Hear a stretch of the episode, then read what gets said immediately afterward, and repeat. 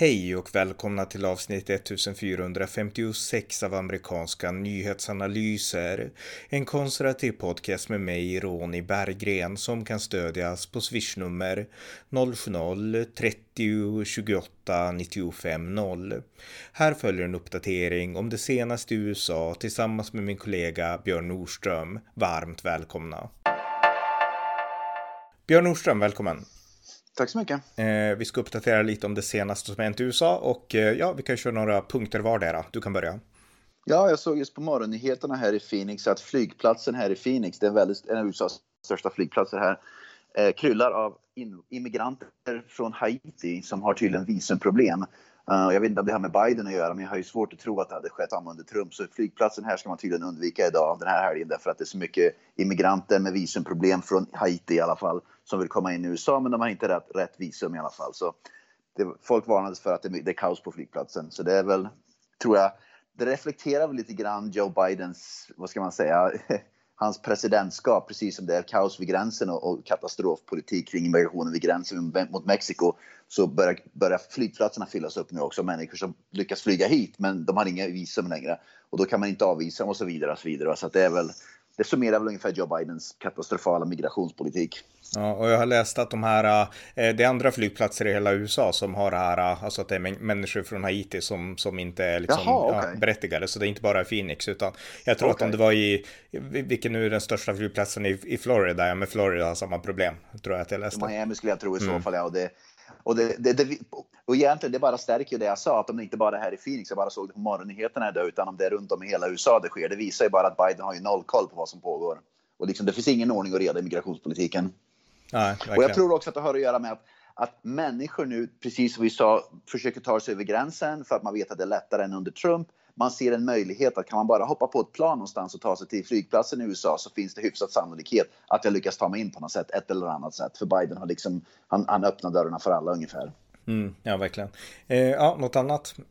Ja, jag såg att Sonja Sotomayor eh, gjorde bort sig i Högsta domstolen. Hon, hon är en HD-domare då tillsatt av Barack Obama för ett antal år sedan. Och eh, just nu, igår faktiskt, så, var, så, dom, så hade Högsta domstolen här i USA ett, vad ska man säga, ett hearing. Jag vet inte vad det kallas på svenska. Förhör, typ. Men i alla fall, precis. Om eh, Bidens, Joe Bidens federala vaccinmandat där han kräver då att man måste vara vaccinerad för att kunna få jobba på ett företag över 100 anställda och så vidare. Så att man, han vill verkligen ha restriktioner på företag nu runt om hela USA. Och Högsta domstolen ska i alla fall, hade ett förhör om det nu i alla fall och ska ta ett beslut om, om dens vaccineringsmandat är, eh, om det är lagligt eller inte. Om det liksom är lagligt enligt konstitutionen var i alla fall. Och Sonja Sotomayor gjorde bort sig rejält. Hon, hon påtalade, påpekade att Just nu så finns det 300 000 barn, men det visar att hennes aktivism kommer in här istället för hennes eh, roll som domare. Va? Hon sa att det finns, just nu sitter, är det 300 000 barn som ligger svårt sjuka på sjukhus i, eh, i eh, det här omikron, eh, den här nya varianten omikron i alla fall. Och det visade sig det att det var många massor av experter och läkare kom omedelbart ut och sa att det här är absolut helt felaktiga uppgifter. Att det, det, det, ingen vet var de kommer ifrån. Va? Förmodligen fick de uppgifterna från CNN eller något sånt där. Va? Och sen så sa hon bort sig någon annan Jag minns inte exakt vad det var, men det var någon liknande. Va? Att hur många som hade dött nu i det här omikron varianten. Va? Hon överdrev det alltså fullständigt. Va? Så hon sitter alltså i högsta domstolen, tillsatt av Obama, en liberal domare, sitter i högsta domstolen och hittar på massa siffror som inte har noll koppling till verkligheten att göra. Det är faktiskt väldigt skrämmande för det visar förmodligen vart hon kommer att gå vad gäller hennes eh, bedömning i det hela vaccinmandatet och hennes, vart hennes röst kommer att hamna. Hon kommer ju stödja mandatet naturligtvis. Va? Men att hon då slänger ut information som är fullständigt felaktig, det är väldigt skrämmande faktiskt. För normalt är domare i amerikanska högsta domstolen extremt noga med att ha rätt information. De dubbelkollar och trippelkollar för att de inte ska göra bort sig under de här förhören. Mm. Men att hon går ut med sådär, det, det är väldigt pinsamt för Högsta domstolen. Framförallt väldigt pinsamt för Obama faktiskt. Med, därför att han tillsatte ju en människa som inte verkar ha noll koll på verkligheten. Va? Och de här uppgifterna är väldigt lätta att hitta. Det, det är offentliga uppgifter. Va? Så det, det, tyvärr, det har liksom svärtat ner Högsta domstolen lite grann just eh, igår. Sen, är det ju en konservativ majoritet och hon tillhör den liberala sidan så att sannolikheten är väl fortfarande ganska stor att det inte är hon som kommer att liksom fälla den avgörande rösten här, antar jag. Nej, precis, precis, absolut inte. Men min poäng är inte den vem som fäller avgörande rösten, utan poängen är att en, högsta dom, en domare i Högsta domstolen kastar ur sig fullständigt felaktiga uppgifter mm. som sen människor måste gå ut att, att dementera att de inte stämmer. Va? Och det liksom skadar HDs anseende helt enkelt. HD har ju väckt HD som institution, bland de tre institutionerna då presidenten, kongressen och HD har HD överlägset högst anseende och, och respekt. Men tyvärr så gör det att respekten skadas. Mm, ja, verkligen. Eh, och gällande Joe Biden då, det, han kommer att hålla sitt State of the Union-tal den första mars. Han har blivit inbjuden till representanthuset då av Nancy Pelosi som är Speaker of the House. Så att den första mars håller Biden sitt, eh, ja, sitt State of the Union. Det kallas ju, han höll ju ett tal förra året såklart också när han nyss hade blivit vald. Men då heter det inte State of the Union utan det heter typ Speech to the Joint Session of Congress kallar man det. Därför att då menar man att en ny president kan inte ge en State of the Union. Det här är ju gamla regler och sen, sen forna tider. Så att, eh, men, men nu är det hans första formella State of the Union i alla fall, den första mars. Ja, det ska bli intressant att se vad han pratar om därför att väldigt mycket är ju katastrof under Biden. Va? Och mycket av det som går bra, som till exempel arbetsmarknaden, är ju superhet, men det har ju inte någonting med Biden att göra, utan det var ju någonting som, som Trump la grunden för. Va? Så att jag vet inte riktigt vad han ska kunna skryta om att han har åstadkommit. Va?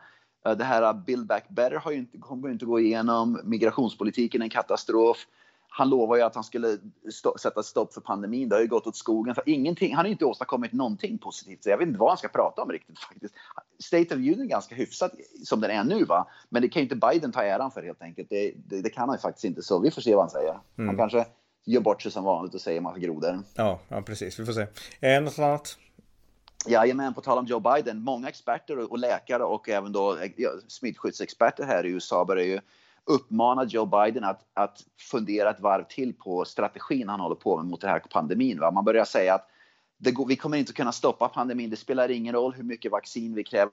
Det spelar ingen roll hur mycket restriktioner vi trycker på folk och så vidare och så hur mycket vi stänger ner. Vi måste börja titta på och fundera på att, att strategin ska gå ut på istället att behandla coronapandemin som är vilken influensapandemi som helst. Med andra ord, kör ett normalt öppet samhälle. Va? Och sen så gör vi punkt, liksom punktstrategier istället för att till exempel skydda den äldre befolkningen och så vidare. Va? Så många, allt fler röster höjs nu för att strategin i USA måste förändras därför att det här kommer att pågå i flera år och vi kan inte hålla på att stänga ner samhällen och kräva vaccinpass och hålla på med restriktioner under flera år helt enkelt. Va? Så att det, min gissning är att, att ett, till, det kommer till en punkt när Biden måste ändra strategi totalt helt enkelt. Därför att det visar att strategin som USA har kört i ett par år nu, det funkar inte. Nej. Och, och Eh, och, och mikron, det verkar som att mikron inte är lika farlig överhuvudtaget. Så att det verkar som att, att det är många som har det nu som en, tror de, de har bara en snuva i princip. Va? Så att eh, jag, jag, tror att strategin måste förändras. Frågan är när Biden kommer att reagera på den. Men det intressanta om det förändras det är att i sådana fall så kommer ju hela USA, inklusive de demokratiska delstaterna, att gå in mer, alltså ha samma policy som republikanerna haft i princip. Så att det, det är ju rätt intressant. Det blir en svängning åt ett republikanskt håll du gör en otroligt bra poäng. Jag, hade inte, jag tänkte faktiskt inte på det, men det, det, precis. Och det är det som gör att många demokratiska delstater, delstater och Joe Biden inte kommer att vilja ändra strategi, även om det är det som är rekommendationerna i framtiden. Just för att de vill inte, de förlorar hedern. De inser att de har fel, de måste erkänna att de har gjort fel, men de vägrar att göra det därför att republikanerna kan ju inte få ha rätt. Typ sådär, ungefär som att Trump kan ju inte få ha rätt. Exakt. Och det är rätt intressant för att det är jättemånga demokrater, alltså vanligt folk som bor i Kalifornien och de här liksom, ja, tidigare eller nu fortfarande lockdown-delstaterna, de är ju dötrötta på liksom de där policyerna. Och det är därför man ser att de hycklar hela tiden och sådana saker, för de är så otroligt less på att de ska ha det som de har det. Medan i Florida så kan man leva ungefär som man vill ungefär och som man gjorde tidigare. Men, men alltså det finns ju två diken här. Dels är det ju demokraternas fanatiska dike åt ett håll där allt ska stängas ner och alla ska ha ansiktsmask överallt och liksom bryter man minsta lilla grej så blir man behandlad av någon slags omikron, corona polis nästan. Och sen Precis. har vi det andra diket, alltså de här på högerkanten som är liksom arga på att Trump har tagit en booster shot och liksom inte tror på ja. vaccin ens. Så att det finns ju två diken här att falla i liksom. Men eh, tar man bara de här stora helhets, de breda vägarna så att säga, då, då, då är det inget snack om att republikanerna verkar, alltså alla amerikaner på sikt kommer att föredra republikanernas coronapolitik framför demokraternas. Ja, många. Kalifornien, vi pratade om det förut. Kalifornien, New York och Illinois har förlorat ungefär nästan 1 procent av sin befolkning. Mm. Och Kalifornien har, förlorat, har tappat 1 procent av sin befolkning. Många har flyttat till Texas, Florida, framförallt Texas och Arizona. En stor anledning, vi har pratat om det, skatterna är för höga, galen vänsterpolitik, kriminaliteten, men coronapolitiken, många flyr och för jag är med i många sådana här Arizona Facebookgrupper eh, och läser om folk som flyttar hit som är republikaner, många är republikaner och de säger rakt ut att jag vill inte längre bli liksom, leva under, under de här liksom ett Nazityskland typ sådär när man, när man inte kan vistas fritt och hålla på. Så folk, folk flyttar på grund av, på, på grund av de här restriktionerna och allt det där. Och här i Arizona då, Vermont, jag bodde förut, de, har ju gjort, de stänger ju ner, även om det är en republikansk guvernör så, så, så liksom blir han påtryckt av den här progressiva vänsterfalangen då, för att det är, Vermont är extremt vänster egentligen. Va? Även om det är, republikansk guvernör. Men var, Vermont, de börjar ju stänga ner, man får in, barn får inte hålla på med idrott längre, skolorna håller på att börja stänga ner igen och så vidare. Och så vidare. Så de kör samma sak som det skedde för två år sedan. Mm. Och här i Arizona, där, är det, där tutar vi och kör som vanligt. Jag menar, man ser till och med färre och färre människor bär med ansiktsmask här i Arizona. Man verkligen ser det. Jag tror folk är så trötta. Jag måste bära på jobbet för det är ett krav på jobbet. Va? Men min dotter går på en skola där det bara är rekommenderat. Eller man, det, det, man får göra vad man vill. Och många gör det inte. Men går man, går man in i en vanlig affär, jag törs påstå att det är mindre än hälften som bär ansiktsmask. Idag, i morse, jag kom just tillbaka från en yard sale. Eh, det var några kilometer bort, det var någon som håller på att sälja sina grejer och ska flytta. Så jag var där och det kanske var 50 personer inne i det huset. Va? Det var kanske två som bar ansiktsmask. 48 bar inte. Va? Och det var jättetrångt med folk. Va? Mm. Så folk orkar inte hålla på så Jag tror man bryr sig. Man känner att jag har haft, jag har tagit mitt vaccin eller jag har haft corona redan och jag vill liksom inte, jag orkar inte med det här längre. Va? Jag vill kunna leva ett hyfsat normalt liv. Mm. Just det. Eh, en annan sak som vi har, vi har pratat om, Jussi Smollett, den här svarta skådespelaren som fejkade ja. att han varit överfallen av vita liksom Trump-anhängare och allt var fejk och han fick ett straff för det. Vi har pratat om det. Men det är ett liknande fall faktiskt i Indiana läste jag idag. Och det handlar om en person som heter Walks Booker, heter han, och det är en svart man som har lett en lokal förening för Black Lives Matter. Och sommaren 2020 så hävdade han att han har blivit, blev påhoppad av ett gäng vita män och att de pratade om att de skulle hänga honom och att de hade en sydstatsflagga i Indiana och, eh, och sådär. Och eh, ja, eh, han vart ju tagen på allvar till en början och de här männen, det, det, har blivit en rättsprocess av det här och de här männen blir då åtalade för liksom, ja, man tänker rasism och liksom hot och sådana saker. Men sen har mer och mer grävts upp i det här.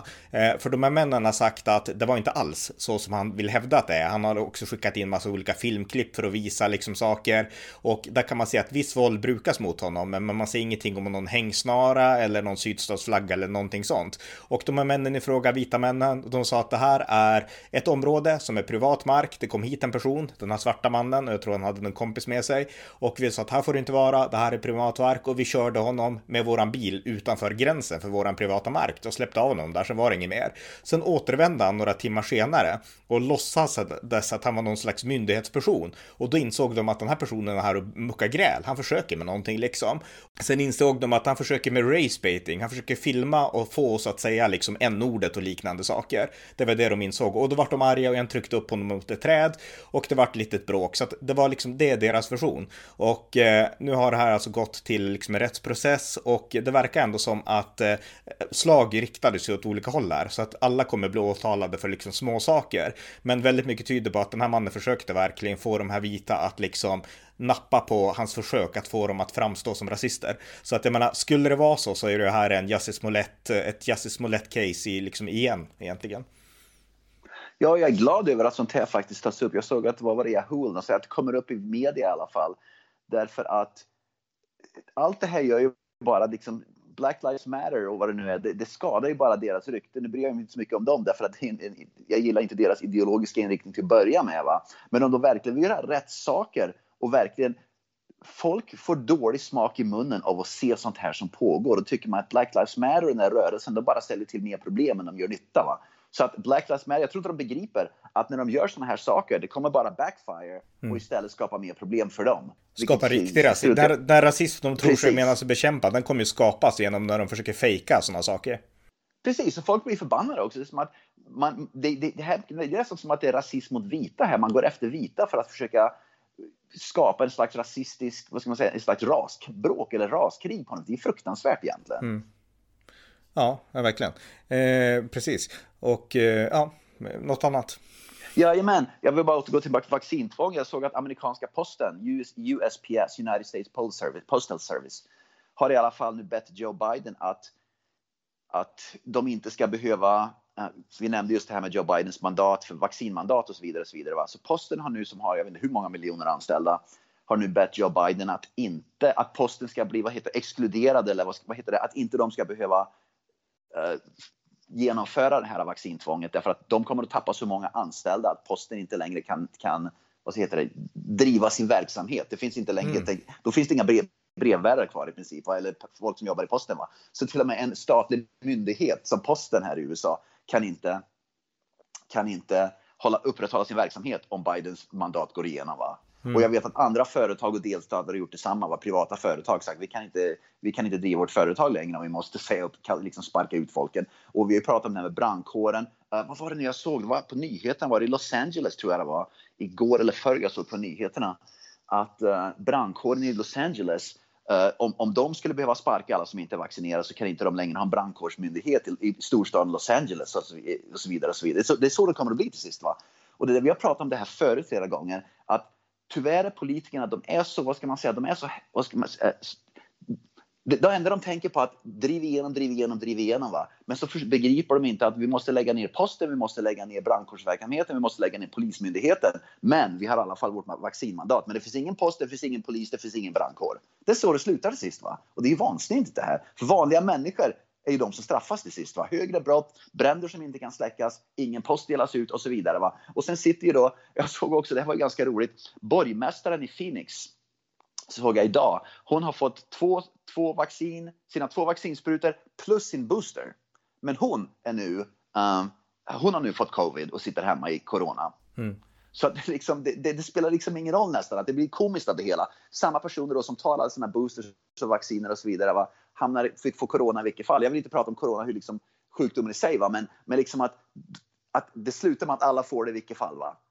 Men folk ska ändå sparkas, de som inte tar det. Det, liksom, det blir ganska bisarrt samhälle vi lever i helt enkelt. Exakt, jag menar jag tror ju att vaccinet skyddar mot svår sjukdom, det är jag helt övertygad om. Men hela poängen är att när det blir sådana milda, alltså knappt några skillnader alls. Du blir förkyld om du har tagit en boostershot och du blir förkyld, alltså du kan bli allvarligt sjuk också, men du behöver inte bli det. Jag menar, då kan man ju inte ta de här drastiska åtgärderna att du som jobbar på posten och inte har tagit en liksom extra vaccin eller vaccin alls, du ska sparkas eller du får inte komma till jobbet. Det är liksom, då kommer samhället inte att funka.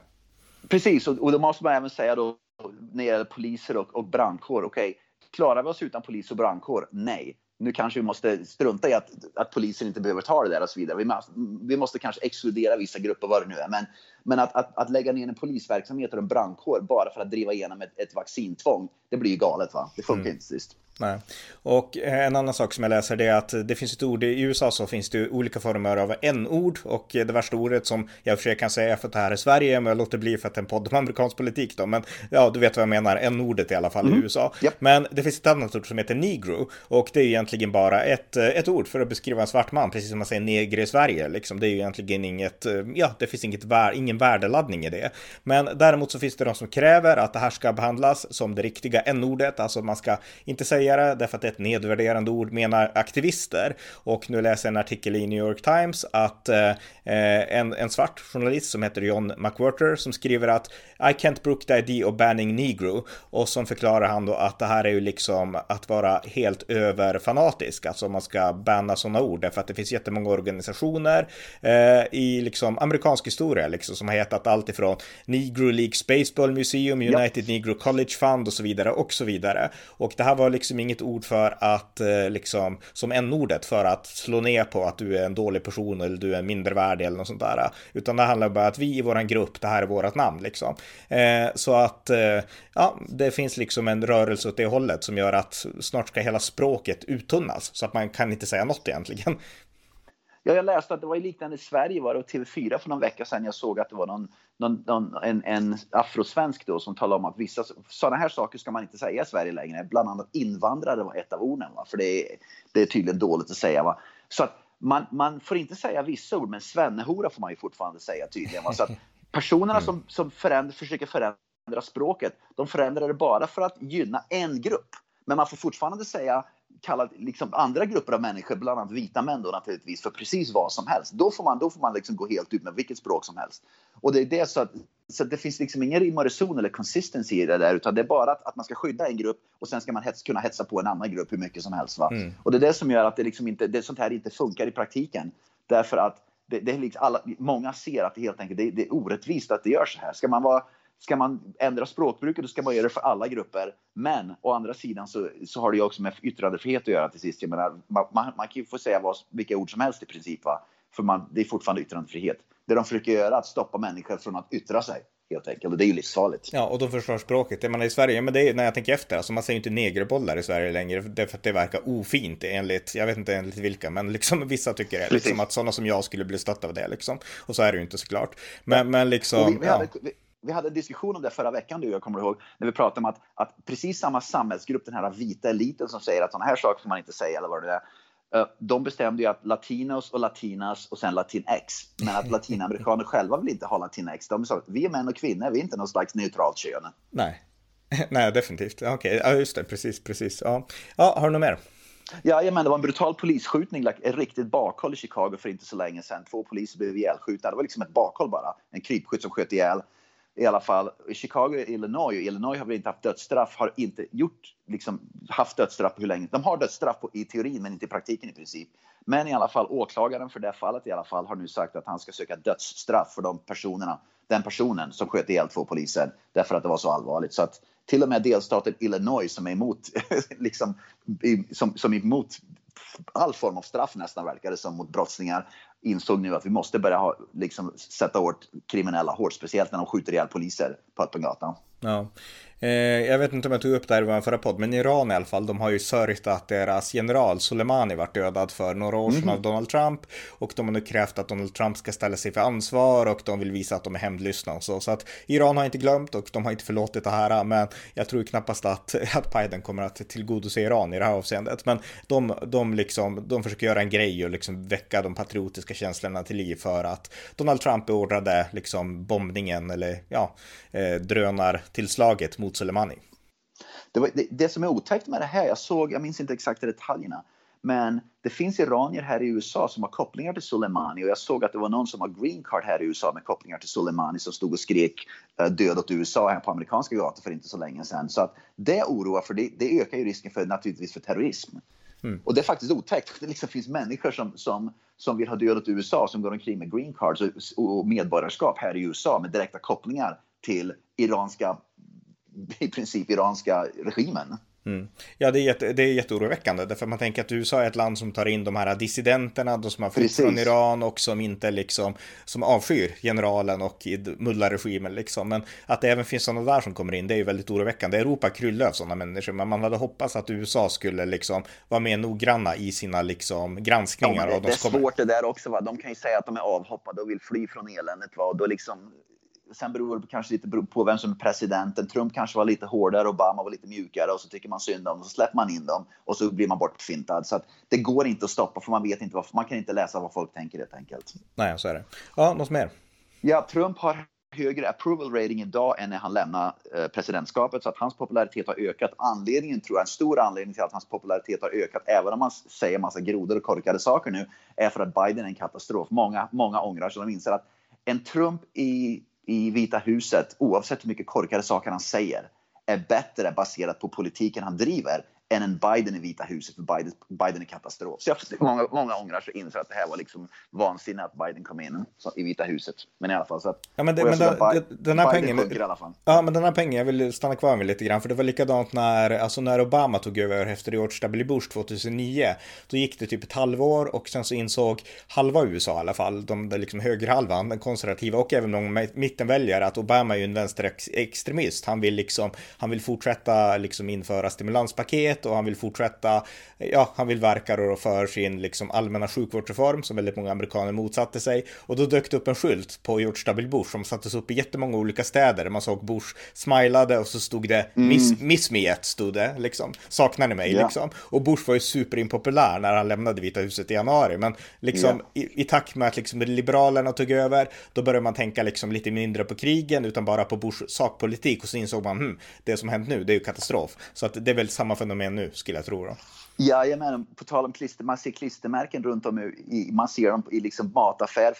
Inflationen går upp så matpriserna går upp. Då. Man ser klistermärken vid bensin, på bensinpumpar. Vet, det är vanligt folk som sätter de klistermärken där det står uh, Biden did this. Och så är det en bild på, eh, förlåt, det är en bild på Joe Biden där det står I did this. Och så står okay. de och smilar ungefär. Va? Så att de, de ser man överallt nu. Och det är precis samma sak, att folk är trötta på det. Man slänger, slänger upp klistermärken. Så det är nästan som en, en gräsrotsvalkampanj mot Biden nu som sker.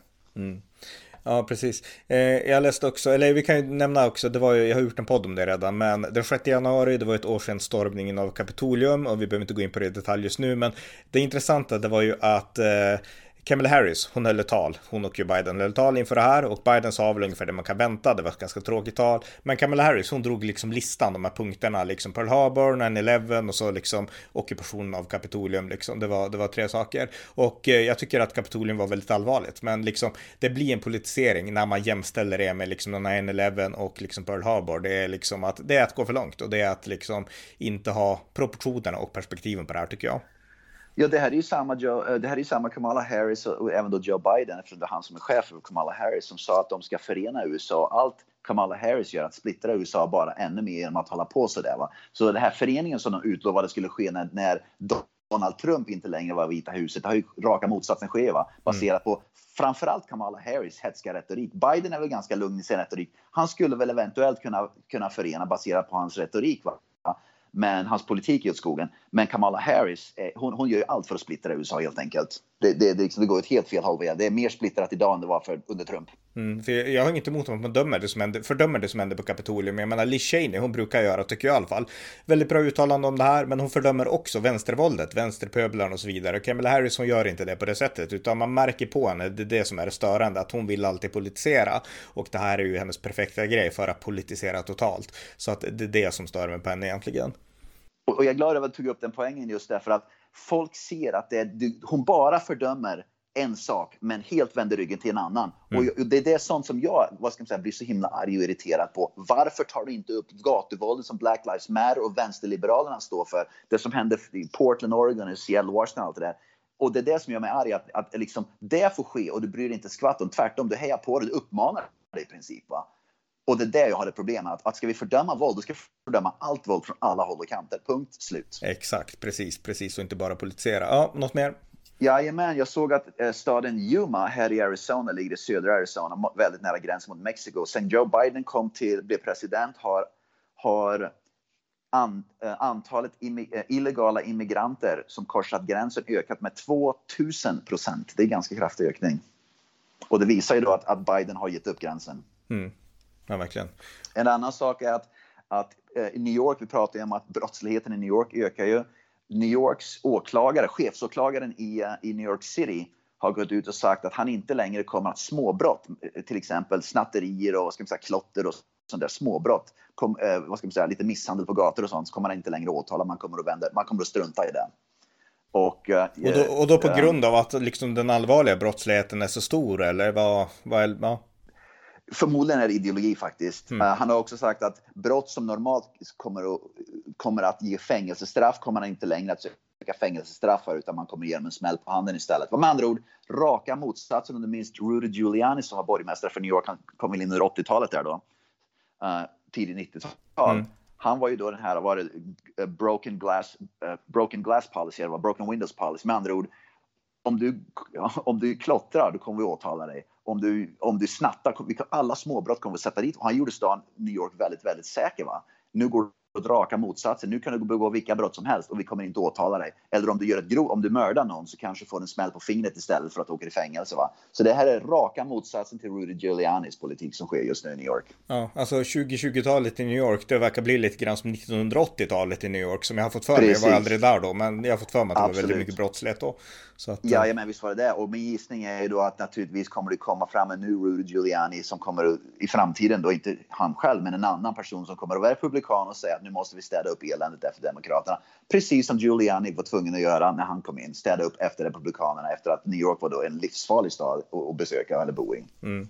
Eh, vi kan säga också att eh, de här tre personerna som var med och mördade denna svarta mannen, Ahmad Abri, eh, de har nu blivit, de var varit fällda för ett tag sedan, men nu har de också dömts till livstidsfängelse. Och jag tycker att, eh, ja, jag tycker att det var en rättvis dom, att det var, det var bra att de var hårt straffade. Men det här visar också att det amerikanska rättssystemet, det är inte så rasistiskt så som Black Lives Matter vill göra gällande. Alltså, saker styrs upp, bara det kan ta lite tid ibland, men det styrs upp. Och jag menar, det här är ju liksom, ja, eh, det här är ett exempel på det och ett av många exempel.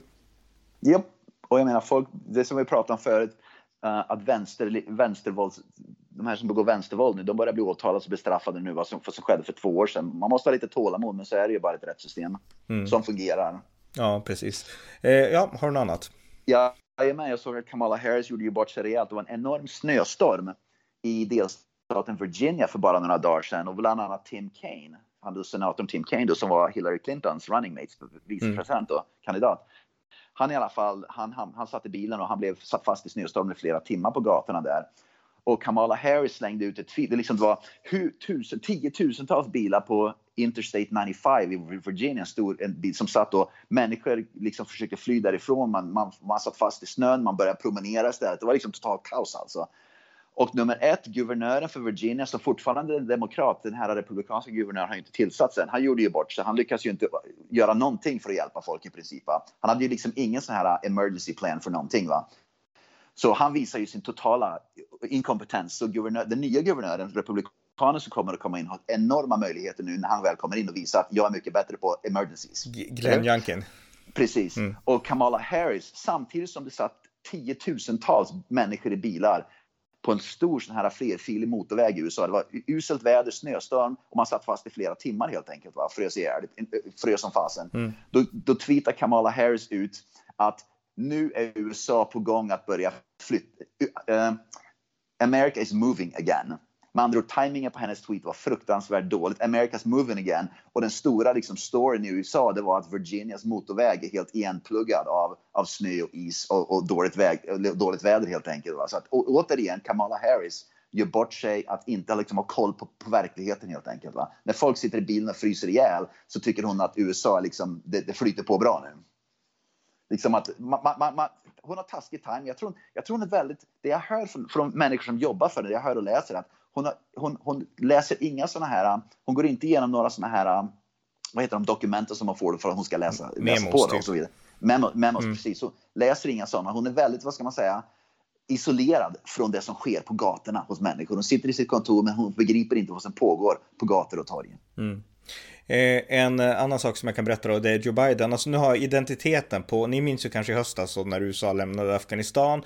Då sprängdes ju en bomb på Kabuls flygplats och 13 amerikanska soldater blev dödade och det var en självmordsbombare. Och nu vet man namnet på vem den här mannen var. Han, han tillhörde ju då Isis-K och han heter Abdul Rahman al-Logari, eller han hette för han dog ju i den här bombningen då. Men det intressanta med honom är att han hade verkligen suttit som fånge, som en terrorist, en fängslad terrorist på USAs Bagram-bas, den här stora basen man hade i Afghanistan. Och eh, Joe Biden fick ju rådet att okej, okay, du bestämmer, du kan lämna Afghanistan om du vill, men lämna inte militärbasen. Men han gjorde det i alla fall. Allting lämnades och det var ju därför som USA blev beroende av eh, Kabuls liksom offentliga flygplats när man skulle evakuera. Och det som hände då, det var att när USA lämnade så sprang talibanerna in och öppnade alla fängelseportar så att USA lämnade basen och släppte och talibanerna släppte ut den här terroristen. Och det första han gör det är att knyta på sig ett självmordsbälte och spränga ihjäl liksom, eh, ja, de här 13 amerikanska soldaterna i 20-årsåldern. Så att jag menar, det här var ju en helt, alltså, jag anser att det här visar att Biden var helt olämplig som överbefälhavare. Jag menar, om Biden inte hade fattat det här beslutet mot militärledningens vilja, då skulle inte den här självmordsbomberna komma ut och de här 13 skulle inte ha dött. Så att eh, en total katastrof. För att vi har ju känt till att det här hände förut, men inte vetat vem det var. Men nu vet vi, det var en fånge som USA höll fängslad på Bagram och som sen släpptes ut i, i, i liksom samband med Biden Bidens evakuering. Och, you know, det här är ju en mänsklig tragedi naturligtvis, men det här kommer naturligtvis vara en stor grej. Jag läste redan nu att det här kommer att vara någonting som nästa president, under nästa presidentsvalkampanj kommer att tas upp. Att helt enkelt hålla Biden accountable för det här och helt enkelt påminna väljarna att det är sådana här konstiga, vansinniga, dödliga beslut som Biden tar. Så det här kommer att straffa honom i valkampanjen om han nu blir nästa presidentsval, äh, eh, presidentskandidat eh, äh, för Demokraterna, vilket jag tvivlar på, men vi får se. Mm. Ja, något annat? Jajamän, vi pratade för ett tag sedan om de här kartellerna, drogkartellerna i Mexiko som helt enkelt då tjänar, de, de säljer ju inte bara droger eller smugglar droger över till USA längre eller vapen och sånt där utan de är, ju, de är inblandade i människosmugglingen också. Va?